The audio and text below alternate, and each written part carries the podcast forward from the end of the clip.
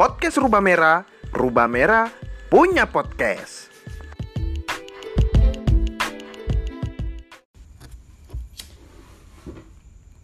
Eh, selamat datang pendengar setia podcast Rubah Merah.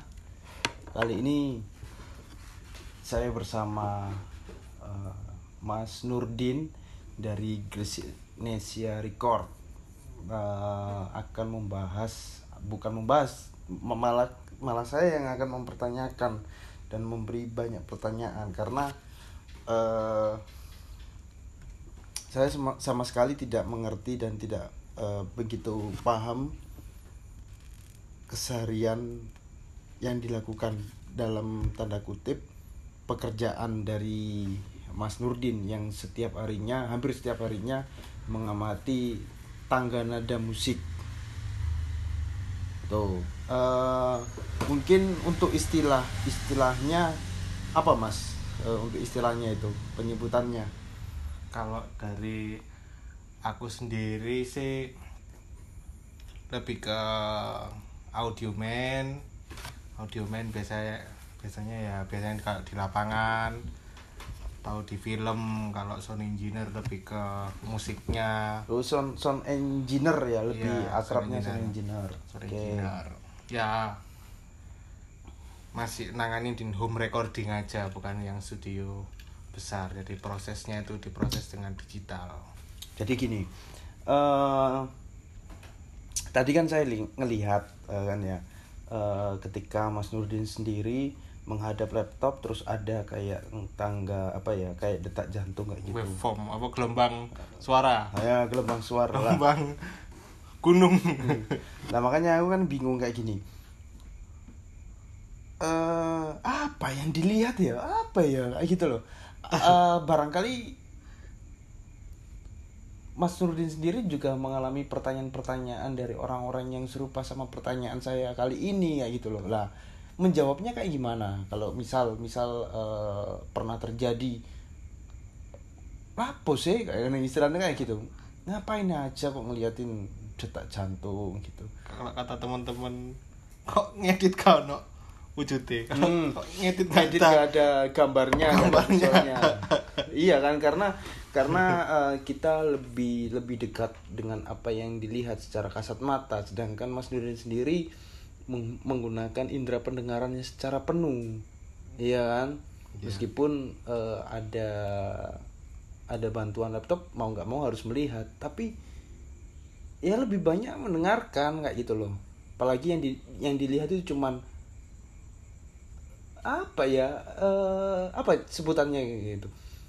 Wave ya apa? Ya waveform ya ya. gelombang suara tapi ya tetap ada output yang didengarkan lewat kayak headphone, speaker, terus Un- untuk untuk keluarga pernah menanyakan kayak gitu enggak gitu. Wah ya pernah. Apalagi kalau di bukan di studio ya. Contohnya kayak di Gresik Nesia sendiri atau di tempat rumah sendiri. Kan kalau dikejar deadline atau lagi produktif itu dengerinnya pakai headphone untuk memproses suaranya. Mm-mm. Nah, jawab jawab keluarga- jawabnya kayak gimana? keluarga itu ya lagi kerja gitu ya. Apalagi ada sepupu yang masih kecil-kecil tuh. Jadi jangan ganggu Mas Nurdinnya lagi kerja dengerin duh ini nggak kerja kok dengerin lagu. Ya pernah kayak gitu. Itu sih kerjaan-kerjaan sih kayak audio man tuh ya suka menyendiri di studio. Kalau di luar gini ya harusnya pakai headphone cuman orang-orang nggak bisa ngelihat atau nggak bisa mendengar. Nah gini eh ini kan salah satu bidang yang secara khusus nggak semua orang bisa. Nah pengalaman apa yang sampai eh, Mas Nurdin sini terjun dan terjebak dalam dunia eh, audio engineer ya? Audio engineer tadi. Audioan. Peraudioan. Dulu itu waktu SMA kelas 3 kalau nggak salah. SMA kelas 3 mungkin 2012an suka musikan ngeband sama teman-teman. Diajak teman-teman rekaman. Rekaman yang murah-murah. Nah kok kok gak ada drame? Kok semua kok diproses dari laptop? Gitarnya kok nggak pakai ampli atau sound yang biasanya pakai gitar? Kok kok cuma gini aja kok? Itu ya bisa buat musik ya nah aku kepikiran belajar kayak gitu. Apa belajar ngerekam suara. Oh enak ya berarti ya. Bukan dalam hal komersil. Oh aku bisa gini bisa cari duit. Enggak. Berarti kalau aku punya lagu tak demokan sendiri baru nanti nyari studio buat rekaman yang beneran. Nah proses-proses itu tadi. Nah aku belajar sendiri. Nah dulu era internet kan nggak bisa internetnya harus ya ke warnet terus nggak punya spek laptop pakai pakai laptop itu yang apa yang kecil tuh notebook. Oh Notebook, gini ya ya. pakai notebook proses-proses itu. Oh pakai apa kalau software-software musik itu butuh spek yang agak lumayan tuh gitu. Nah karena sering belajar di internet terus lama-lama kok ya untungnya alhamdulillah masih orang tua kok mau menyekolahkan. Aku kan pengen oh ternyata di Surabaya ada nah sekolah audio itu pertamanya Ah. sih ya tertarik sama rekamannya sih Ah. Ya, Eh, untuk untuk perjalanan tentang peraudioan ini lebih banyak berkiprah di kelompok musik apa kelompok film apa kelompok pertunjukan awal mulanya pertama kali aku aku apa ya musik sih sebenarnya. Pertama, pertama kali musik terus grup band sendiri terus waktu awal-awal 2012 itu masih grup band sendiri terus kadang-kadang teman-teman. Nah aku kan kalau garap sendiri kan enak tak garap dua hari tak tak garap seminggu itu masih bisa. Nah tapi karena aku pengen belajar apa ya bukan nyari klien sih ngajak teman-teman yang dulu kan ada kan kalau anak-anak metal di Surabaya itu kan yang belum rekaman. Rek rekaman sama aku aja tak buatin demo. Kamu gak apa-apa rekaman di lain tapi aku pengen apa ya hasil demomu itu direkam di aku gitu loh. Belajarnya lewat gitu teman-teman yang tak ajak. Eh rekaman sama aku. Nah lambat laun terus kalau itu udah tahu proses-proses terus diajak sama dosen juga untuk ke lapangan soundmanin grup band terus nah semakin ada kenalan-kenalan kok lebih suka juga sama film gitu loh. oh di lapangan kalau ngeproses kayak gini ya gitu jadi aku pengen kalau pengalaman film film apa yang pernah eh, direkam sama Mas Nurdin sendiri ini nah film ini film pendek apa film, film. panjang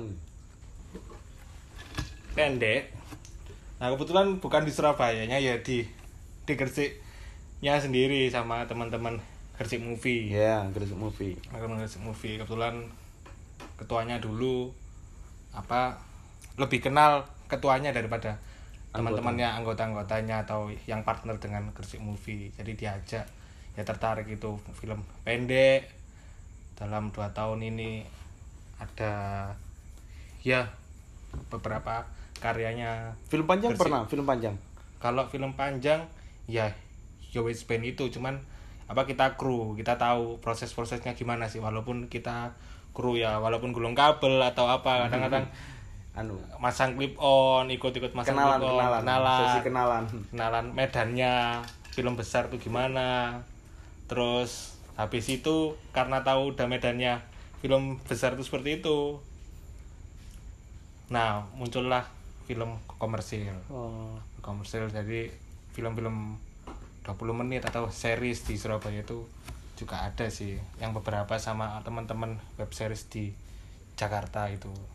Terus gini, Mas Nurdin, eh, mungkin saya sendiri termasuk golongan yang eh, sama sekali nggak nggak begitu paham tentang nada dan musik ya, cuman bisa menikmati aja gitu.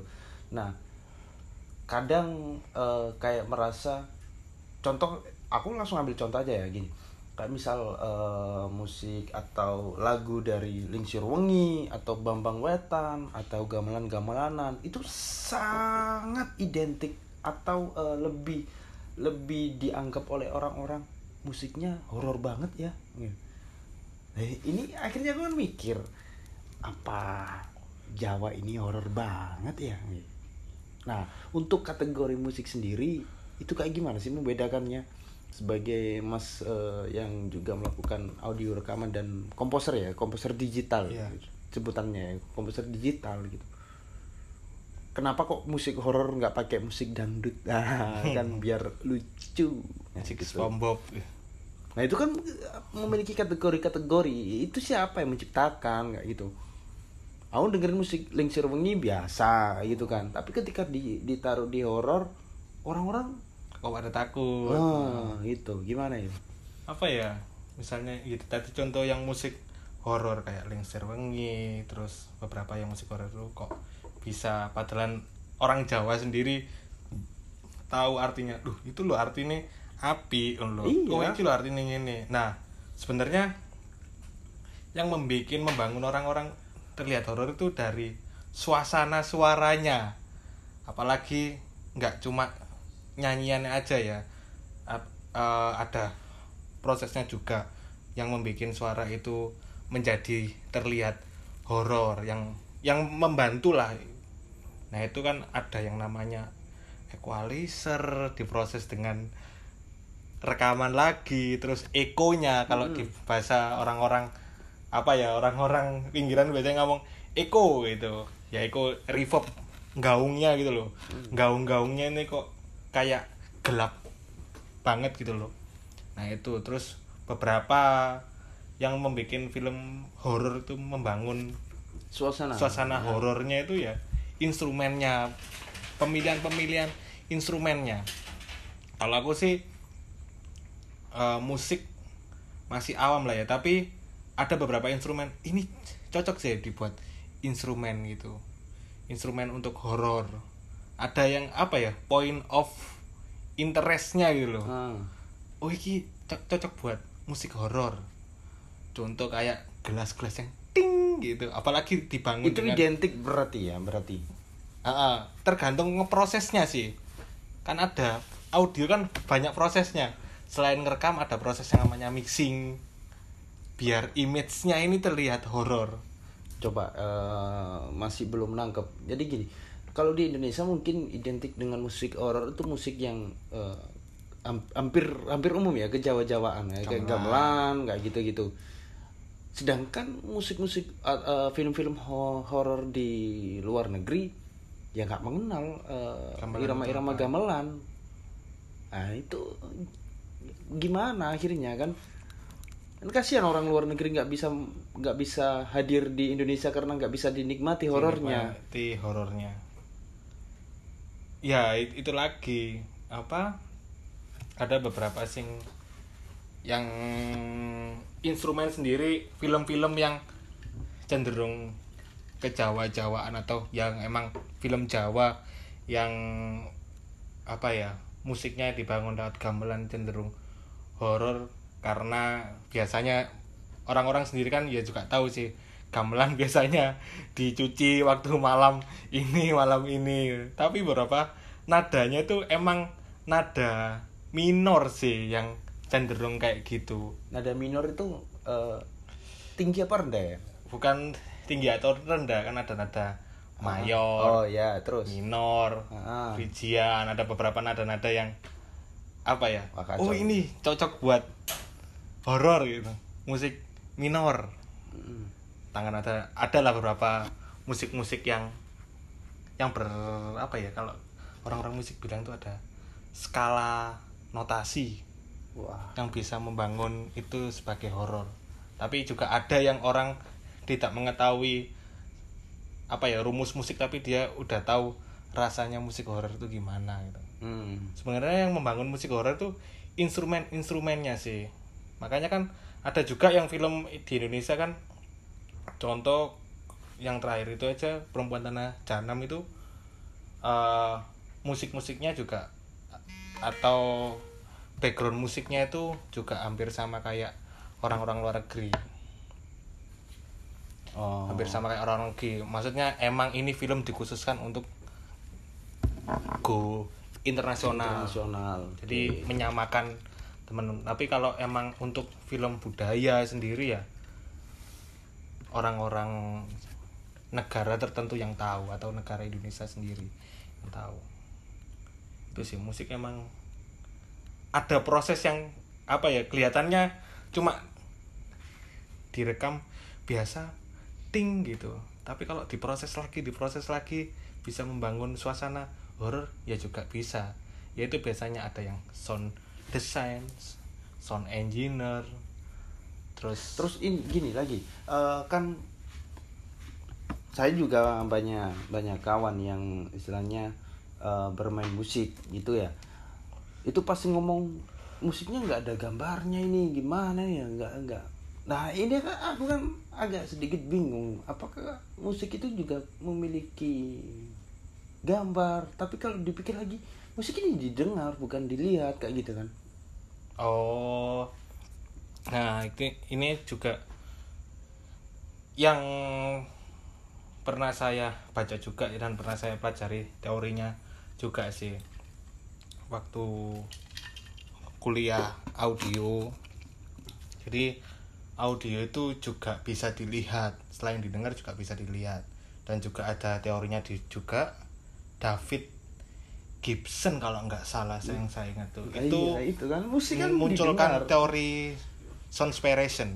Jadi soundspiration itu sound tuh bisa dilihat. Ini kan speaker kan ada dua kanan kiri mas. Mm-mm.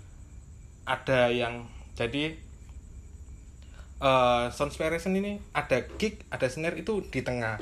Tahu masnya pernah denger kan ada gitar di sebelah kiri, sebelah kanan. Nah, Iya, pernah. terus kok ini kok ada bunyi-bunyian yang agak ke belakang ya nah itu nah soundspiration sebenarnya kita kayak apa ya? Gambar sendiri proses ilustrasi melukis kayak gitu. Oh ini kalau pengen agak ke Nah itu belakang lukisannya bentuknya kayak gimana itu? nah itu yang dilihat emang audio nggak didengar sih. Selain selain nggak selain didengar Oh. itu juga dilihat sih. Emang ya kerasa kok. Ini kicknya kick drumnya kok eh, terlalu menonjol ya. Ini nanti terlalu nutup vokal antara volumenya kekencengan atau frekuensi suara? Nah mungkin bisa disampaikan teorinya eh, apa tadi? Teorinya biar nanti Teori- pendengar yang nyari gitu. Apa? Soundspiration. Soundspiration. Ada di bukunya David Gibson kalau nggak salah. Itu buku lama. Emang kalau belajar teori itu harus Iya, pergi ke tahun 80 atau 90 emang itu sih yang yang saya pegang eh, ini kok agak ke kanan ya gitu. Secara kalau secara dengar ya emang ah, karena secara visual pun bisa dilihat. Oh ini agak ke kanan ini ini kurang ke kiri ditambahin instrumen apa ya? Atau ada proses apa biar ini sound ini agak ke kiri? Ya itu sih sound spiration ada volume volume ngatur volume knob volume ada yang ngatur biar kanan kiri Mm-mm. namanya eh oh apa sih wingi ku jadi ada proses volume panning. Iya. panning itu ngatur kanan kirinya. Terus ada equalizer biar soundnya ini agak treble atau ngebas Mm-mm. atau agak mundur. Nah treble sendiri kalau dikurangin ya sound itu semakin mundur. Atau kok mendem ya? Nah itu. Tapi kalau mendem kan biasanya suaranya sendiri kan yang keseluruhan uh, musik itu mendem ini tertahan ya maksudnya? Apa mendem mendem Apa istilah dalam? Jawa? Oh ke dalam Ke tak kira istilah Jawa mendem ya mabok. Ya, nah ya. itu soundnya kayak itu. Terus kok ngebas banget sih ini. Nah, itu cenderung kayak gitu sih. Apa tantangan eh, melakukan profesi ini tantangan profesi ini satu kalau kita nggak tahu musik lah kita pun juga harus belajar musik. Ya terutama ada band yang "Eh, mas ini gini gini gitu. Oh aduh kok kurang serak ya? Kok gini? Nah kita pun ya biasanya juga belajar menjadi komposer belajar menjadi produser oh ditambahin ini tambahin ini tantangannya akhirnya tuh muncul diskusi muncul ya gitu. diskusi. Heeh. kita pun juga diskusi sama musisinya mas kalau saya tambahin ini gimana? Gitu. Ada interaksi interaksi seperti itu. Terus ada eh, nggak kelompok musik yang benar-benar nggak mengenal nada sama sekali? Eh, sepengalaman Mas Nurdin sendiri. Wah dia main gitar terus ya tapi ketika melakukan eh, ketika ke tahap perekaman di Mas Nurdin tiba-tiba kok nggak tahu nada ya orang ini? Ada nggak kayak gitu? Kalau hampir keseluruhan ada mereka tahu. Mungkin skalanya mereka nggak tahu cuman ngikut-ngikut. Tapi kadang-kadang mereka kelihatannya bisa ya main gitar atau main drum Mm-mm. atau bisa nyanyi. Tapi kalau udah yang namanya kena tik tuk tuk tuk apa itu namanya itu? tempo. Ah, iya. nah sik mas tak belajar sih mas. Jeng jeng jeng aduh ini belajar lagi. Jeng jeng jeng biasanya Hmm. kalau emang menjadi kalau apa ya ah aku pengen jadi kayak orang-orang komposer ya udah mas tak mainin aja gitu. Atau apa. Biasanya tetap tak itu tak suruh latihan lagi mas gitu. Terus ada juga yang vokal ada aku juga pernah ada klien yang ya dari Gresik juga sih. Eh musik ini kalau dinyanyiin dia kok agak rendah ya kok kok kayak lemes sih gitu. Mm-mm. nah dia sendiri nggak menyadari dia punya vokal tinggi. Iya. Nah mas aku boleh nggak naikin range musiknya? Misalnya dia main DJ ya. Mm-mm. mas aku boleh nggak tak naikin ya di D Duh mas aku nggak kuat. Kuat kuat gitu. Aku kok ngerasa kamu kok masih ada tenaga untuk nyanyi yang agak tinggi? Iya dah mas? Iya ya yakin aku? Tak naikin mas range apa oktavnya gitu loh. Tak nambah beberapa nada gitu kan. Dua nada dari C ke E. Dia nyanyi. Duh kok enak ya? Dia sendiri nggak menyadari kalau dia itu range vokalnya apa di situ gitu. Kayak gitu. Terus ada beberapa band juga. Ya kadang-kadang aku main di aman aja lah gitu. Nggak kok masih masih bisa kok kamu nyanyi ag- agak ditinggi nah kadang-kadang penentuan itu tadi juga saya diskusi sama musisinya sih ya itu tadi. Rasanya. Ini dibuat agak rendah atau tinggi. Eh, kalau emang tinggi dia nggak bisa tinggi ya udah direndah cuman kok kadang-kadang itu ada rasanya kok lemes sih nyanyinya? Asini iki wong iki aslinya orang ini tuh. Ya bisa nyanyi agak tinggi. Tapi eh, memungkinkan nggak eh, musik atau irama ya? Musik atau irama yang didengar eh, dari komposer atau yang pernah Mas Nurdin eh, ciptakan. Ciptakan. Itu malah membuat pendengar ini eh, semakin jatuh. Atau kayak istilahnya eh, semakin memabukkan atau semakin bikin orang itu stres. Contohnya kayak gini. Ketika ketika aku ngalamin eh, perasaan patah hati ya. Terus dengar instrumen yang diciptakan sama Mas Nurdin aku semakin patah hati. Ha, itu kan. Hmm, itu berarti juga kategori main rasa ya? Iya, ya itu bisa pelaku senimannya, bisa pelaku dari orang teknisinya, sound engineer-nya. Nah, kayak gitu kadang-kadang, uh, aduh, suara ini kok agak cempreng ya? Atau agak sakit di telinga ya. Harusnya ini kan apa lebih enak didengar. Nah, itu apa ya, kadang-kadang itu juga pernah kok proses kayak gitu lagu ini kok kayak itu ya eh dalam banget secara suaranya gitu loh Mm-mm.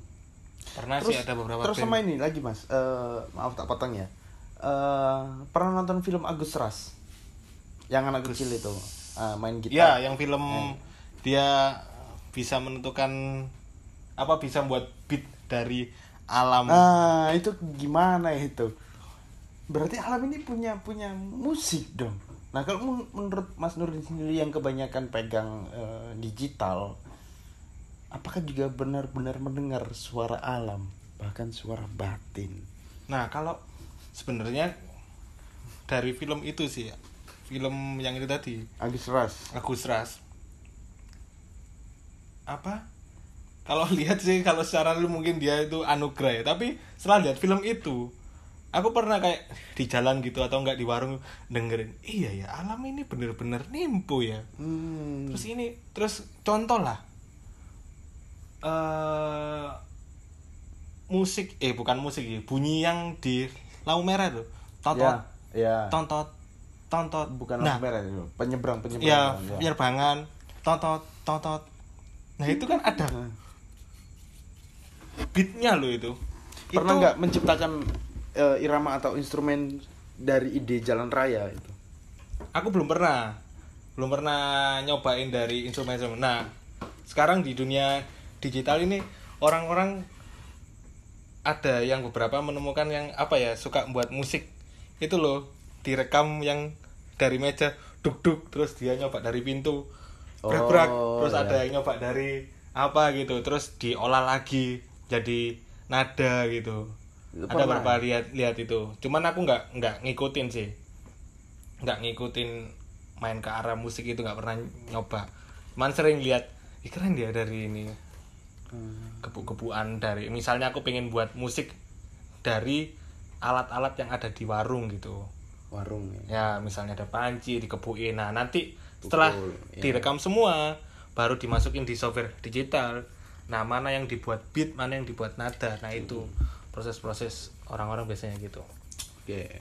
Apalagi yang latih kemarin tuh kita lihat Musik. live-nya itu dia dari itu musik eh dari bunyian mobil.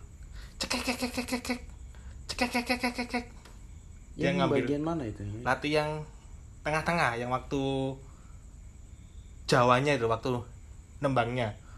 Itu ada suara mobil? Iya dia diproses dari cekek cekek cekek terus habis itu diproses proses proses jadinya itu tadi. Oh. Beat trap beat trap itu dia ngambil dari situ diproses lagi. Aku kan juga ngeliat sih suka lihat itu apa tutorial tutorial juga sih. Hmm, ada yang membangun kayak gitu. Itu namanya biasanya sound designer. Sound designer. jadi eh. dia mengolah suara dari yang ada di sekitarnya. Hmm. jadi desa- sound designer ya? Ada lagi iya. Apalagi kalau di film kan juga ada yang replace suara kayak volley gitu kan. Misalnya ada bunyi pintu. Oh karena mic-nya terlalu dekat dengan apa si artisnya jadi nggak kedengeran mic. Suaranya pintunya direkam lagi pintunya.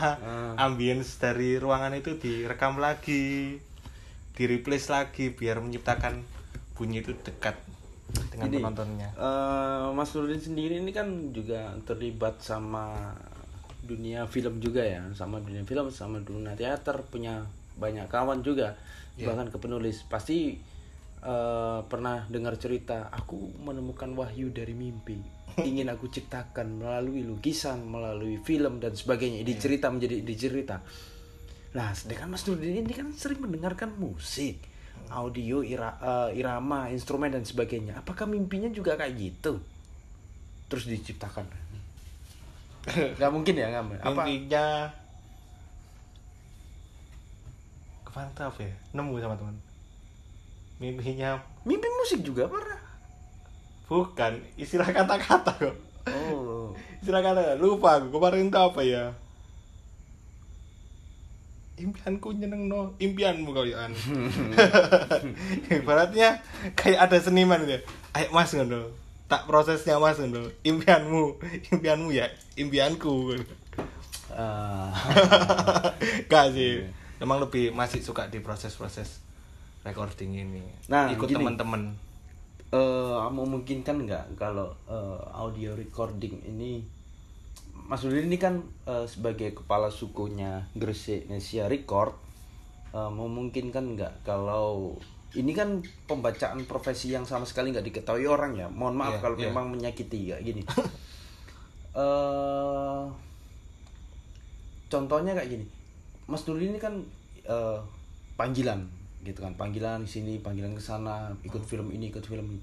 Memungkinkan nggak kalau audio recording ini eh, nggarap karya sendiri. Memungkinkan ya sebagai komposer akhirnya kan. Sebagai Sebagai- sutradara juga ya. Ya bisa kalau menjadi saudara karena mungkin karena kebiasaan terjun di dunia film mungkin kita ngamati juga sih selain dengerin kan oh ala gini toh saudara gini. Mungkin sih bisa menciptakan gitu. Cuman intensitas ke sananya itu yang suka atau enggaknya gitu. loh atau menjadi komposer juga bisa. Kapok nggak? Eh, profesi di audio recording. Pernah kapok? Aduh ngapain kayak gini? Pernah nggak mengalami rasa kapok? Apa belum pernah? Malah lebih bagus kayaknya itu. Kapok itu kapok dalam hal aduh kok ini saya dapat musisi yang seperti ini gitu. Kayak eh aku kayaknya aku nggak nggak mau deh nerima rekaman kayak gini. Merasa aduh gitu. Hmm. terus ya ketika ketika musisi ketika di kota saya Iya, lagi sedangkan sepi ya, ah. sepi kayak anak SMA pun kurang ikut konser atau ikut gigs gigs gitu. Oh Nah, juga pernah pernah ber- hadir di lapangan ya? iya maksudnya eh, kadang-kadang kan kita ngerekam kan anak SMA SMA yang ikut gigs itu kan. Mereka punya lagu sendiri punya demo demo kan itu kan termasuk oh kota ini lagi lagi banyak eh, eh, ada acara acara musik, musik. atau festival band. Nah itu lahir-lahirnya di situ. Apa tempat rekaman-rekaman tuh semakin aktif kayak gitu sih. Ya itu sih. Loh larinya ke film sebenarnya kok agak sedikit nurun ya gig-gig musik gitu. Mm-mm. Terus alih lah geser ke film sekalian belajar juga gitu gimana pernah ke teater Hmm, berarti pernah juga Hmm. Nah, berhubung pernah ke teater, akhirnya akan tanya gini, apa perbedaannya ketika melakukan eh, komposer musik ya? Iya. Ya, komposer musik ya. Komposer musik dari kelompok musik tertentu eh, berbagai genre, terus kemudian ke film pendek, film panjang, terus ke teater. Apa apa apa pengalaman yang Mas Nurdin dapat? Oh, kalau teater ini lebih gini ya, eh, film ini lebih gini ya, gitu. Gimana ya? Nangkep nggak pertanyaannya? iya nangkep Nah, oke. sebenarnya sih teater dan film eh kalau dalam segi musik ya atau ambience suasana dan lain-lain itu sebenarnya sama Hmm. Nggak ada. Itu perbedaan. Cuman yang bikin perbedaan kan ya si senimannya yang buat teater itu tadi. Jadi diskusi antara seniman teater dan apa? Orang-orang film itu yang bikin apa ya? Suka sih ketika diskusi oh bedanya teater itu kita harus eh Iya, sedangkan teater kan satu eh, satu hari satu malam. kelompok yang Mm-mm. besar sih. Ya film sih juga besar. Cuman apa ya? Diskusinya itu Lebih loh. Panjang aku pengen iya aku pengen seperti ini aku pengen seperti ini gitu. Kalau di film kan dari awal kita lihat naskah terus Ah, ya. dari awal tuh udah ada project oh ini naskah ini ini ini oh gini gini, gini. nanti ambien suaranya kayak gini nah kalau di teater kan visualnya seperti ini kadang juga aku nggak pengen musik yang seperti visualnya ini gitu loh Ya. kayak gitu apa ya aku kadang-kadang kurang bahasa-bahasa pelaku-pelaku seni itu yang kurang ada oh alah maunya gini toh gitu ada yang kelihatan eh, secara teatrikalnya dia kelihatan rancak gitu ya. tapi aku pengen musiknya itu yang flat gitu. Waduh iki apa mana iya soalnya naskahnya ini orangnya gini gini gini. Nah itu. Karena kayak gitu sih. Oh, gitu ya. Berarti ada ada pengalaman maksudnya ada pengalaman rasa kaget ketika banyak banyak job atau banyak bekerja di dunia komposer ke musik eh, kelompok-kelompok musik tiba-tiba diajak ke teater ada rasa kaget kayak gitu ya berarti ya? Rasa iya terus diskusinya juga dengan beberapa banyak orang gitu loh. Mm-mm. nah itu sih. Kalau di film sih masih diskusinya sama ini sih yang buat naskah ya ya sutradara. Diskusinya masih itu. Aku pengen gini gini gini. Oh ya mas gitu. Dari naskahnya ini sudah ada gitu. Dilihat dibayang terus kalau di teater kan kita diskusi sama apa?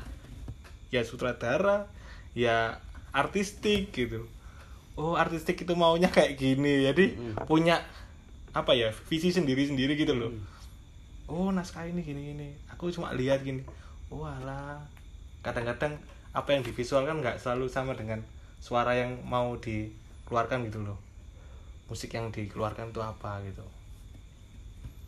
Nah ini akhirnya eh, cukup menarik. Rubah Merah ini kan juga eh, tempat rumah baca sih. Jadi kayak barangkali ya barangkali aja eh, Mas Nurdin sendiri menciptakan instrumen sendiri untuk menenangkan pikiran pembaca.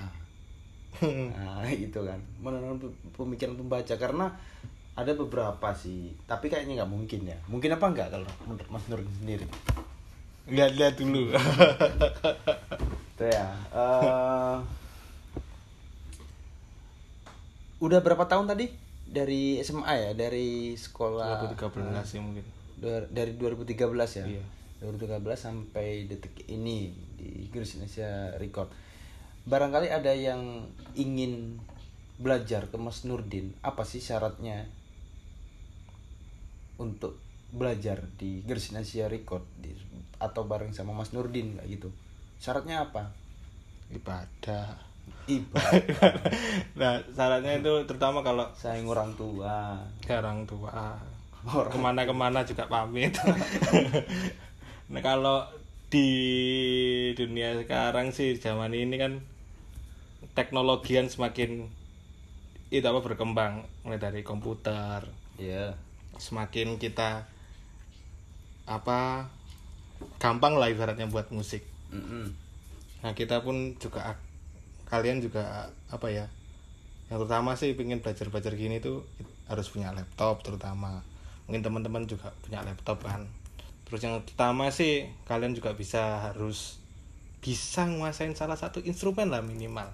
Gitar aja ta Kalau kalaupun nggak nggak bisa kayak gitu, kalaupun nggak bisa, kayak aku ini nggak bisa musik apa pun malahan, bisanya nikmatin. Prosean. Oh, apa ya apa mukul mukul Eh. meja, mukul meja. ya pernah sih kadang-kadang juga pernah kan dulu kan sempet ngajar juga Ngajarnya, ngajaran sekolah-sekolah ini. Eh, ya di sekolahanku dulu yang pernah aku belajar itu juga ngajar itu juga ada sih beberapa murid yang nggak tahu nada itu lebih prosesnya juga lama sih pertamanya sih aku ngenalin beat atau ya ketukan-ketukan dulu. Eh, buat membangun beat. Terus nada ya sekedar mengenalkan notasi yang standar. Mm-mm. tapi emang kok kadang-kadang emang harus wajib sih harus tahu nada atau penguasaan instrumen. Kemudian Siapa lagi itu ya? itu aja sih. Aku aja kemarin sama harus belajar mendengarkan berarti ya. iya sih. Eh, mendengarkan iya terus yang penting kalau teman-teman pengen belajar ya harus update juga sih ada software apa nih yang bisa digunakan yang free terus kemarin aja aku sama Mbak Ida Onomastika itu buat musiknya lewat handphone Wuh. Kecanggihan era sekarang ini. beneran Handphone. terus eh mic-nya pakai mic headset Hmm. semua diproses dari HP nah Alasannya apa ngerekam di HP itu alasannya? uh sebenarnya sih udah lama Heeh. mungkin karena masih dulunya HP-nya bobrok atau Oh, iya. nggak nggak bisa mendukung, nggak mendukung. mendukung gitu tapi kan sekarang namanya orang-orang wih HP-nya bisa buat main Mobile Legend game main game aja bisa gitu. Ya. apalagi buat musikan speknya cuma spek software musik aja loh nggak terlalu berat gitu loh. Nah itu aku pakai iPhone yang namanya GarageBand itu ada beberapa instrumen yang free banyak. Dari mulai drum EDM drum akustik yang kayak menyerupai realnya gitar. Terus ada untuk jadi tiap track-track itu ada. Nah itu pakai handphone ih keren ya ini software gitu loh. Ah tak cobain ah gitu. Nah aku sendiri udah mikir mungkin teman-teman yang musik ya suka musik sebelum kamu buka ke laptop. Kalau kamu suka apa utek-utek HP atau suka apa ya ngoprek lah mainan-mainan gini. Oh buat demo mas. Buat demo itu bisa di handphone sih Mm-mm. sebelum masuk ke laptop lo ya mungkin Iya. laptop malas buka laptopnya lah malas apa gitu kan kadang-kadang kan moodnya itu oh aku pingin pingin buat musik inilah atau cover inilah Hmm. oh lah HP aja oh ini ada pianonya ya udah Oh, ya. notnya apa aja sih C A minor F G oh ya udah di diproses di HP oh gini ya gitu buat demonya kalau emang bener-bener pengen mm, apa ya instrumennya juga banyak dan lain-lain dipindahkan ke laptop kayak gitu terakhir ini malah pakai handphone oh gini prosesnya Ah, cukup cukup mem- mulia sekali ya memanfaatkan teknologi dengan bijak kan. Tuh ya. Eh, iya. ini pertanyaan terakhir sebagai penutup perbincangan. Mungkin nanti bisa dilanjut-lanjut eh, di perbincangan berikutnya sih. eh ini aku memposisikan orang-orang yang eh, dapat dimungkinkan ya, dapat dimungkinkan nggak tertarik sama eh, profesi atau pekerjaan dari Mas Nurdin sendiri. Apa hal yang menarik sampai aku tertarik eh, turut serta atau masuk juga mendengarkan atau mendengarkan seutuhnya eh, ala komposer atau malah menciptakan sebuah musik kayak gitu gimana ya? Eh, kayak gitulah kurang lebih kayak gitu. Apa sih yang membuat menarik sampai orang-orang? Kayaknya kalian itu harus kayak gini deh gitu. Kita aku ngambil contoh kayak gini. Eh, jangan suka nonton jangan suka nonton TV kayak gini gini gini. Eh, tentang cerita kayak gini gini nanti bisa bikin kayak gini gitu kan. Itu kan anggapan anggapan orang-orang umum aja. Iya. aku cuma menyampaikan terus coba deh kalian baca buku gitu biar menambah eh, Wawasan. wawasan. Coba deh kalian eh, nonton film ini biar juga nambah wawasan kayak gitu. Lah untuk eh, kategori audio en- apa? Audio engineer atau audio, engineer lah. Itu gimana itu? Yang bikin tertarik ya? Mm-mm, bikin tertarik orang-orang orang, suka itu. Apalagi ini mungkin ya dalam tanda kutip teman-teman yang suka musik ya terutama mengkategorikan itu sih atau yang suka dengerin musik gitu. Eh pertamanya sih emang harus suka musik berarti. suka musik. Terus mereka juga suka buat lagu atau membuat sesuatu yang dalam bentuk nada ya. Oh bisa dibuat sendiri toh tanpa harus mengundang teman-teman terutama dia berusaha menjadi komposer itu tadi atau buat lagu lah. Itu enaknya dibuat-buat sendiri. Apa ya yang dibikin? Yang tertarik itu ya itu tadi yang tadi menit pertama itu kita bahas itu kok hanya menggunakan laptop bisa buat musik gitu loh. Jadi kan sebelum teman-teman ke studio rekaman itu tadi mereka bisa buat musik dulu bener-bener dimaksimalin sendiri. Terus mereka rekaman kalau belum bisa proses mixing. Nah proses-proses itu tadi yang bikin apa ya? Menguatkan rasa kayak gitu. Bisa menguatkan rasa. Eh pengen suaranya gimana? Kadang-kadang kan emang susah sih emang. Bukan orang-orang yang apa ya mas ya? Bukan orang-orang misal emang harus tahu musik terutama sih? Harus tahu musik ya? Hmm, jadi eh, ya seperti itulah ya. Mm-mm. terima kasih eh, Mas Nurdin apa yang apa yang Mas Nurdin sampaikan eh, bisa diambil hikmahnya bisa dipelajari dipelajari oleh semua orang yang mendengarkan di podcast ini. Jadi ketika saya melihat dan mengamati Mas Nurdin eh, di profesi semacam ini itu seolah-olah saya di, di digiring pada sebuah adegan film Jackie Chan ketika matanya itu terkena eh, pasir. Eh, ya kan terkena pasir yang digunakan lah yang digunakan ya indera pendengarannya. Nah, itu yang yang saya rasakan. Makanya Mas Nurdin eh, tadi sedikit menyampaikan juga eh, kurang lebih lebih memainkan rasa rasa rasa. Meskipun banyak istilah-istilah yang digunakan yang saya juga tidak begitu memahami. Tapi saya mengambil kesimpulannya penguatan rasa itu. Karena eh, di era yang semacam ini kita lebih dimanjakan oleh oleh penglihatan mata. Tapi kita lupa pada pendengaran. Kita lupa pada apa yang seharusnya kita diam dan mendengarkan kayak gitu Mas Nurdin ya. Teori-teori juga. Ah, ah. terima kasih. Selamat eh, bertemu di podcast di podcast podcast rubah merah selanjutnya. Bye bye Hui.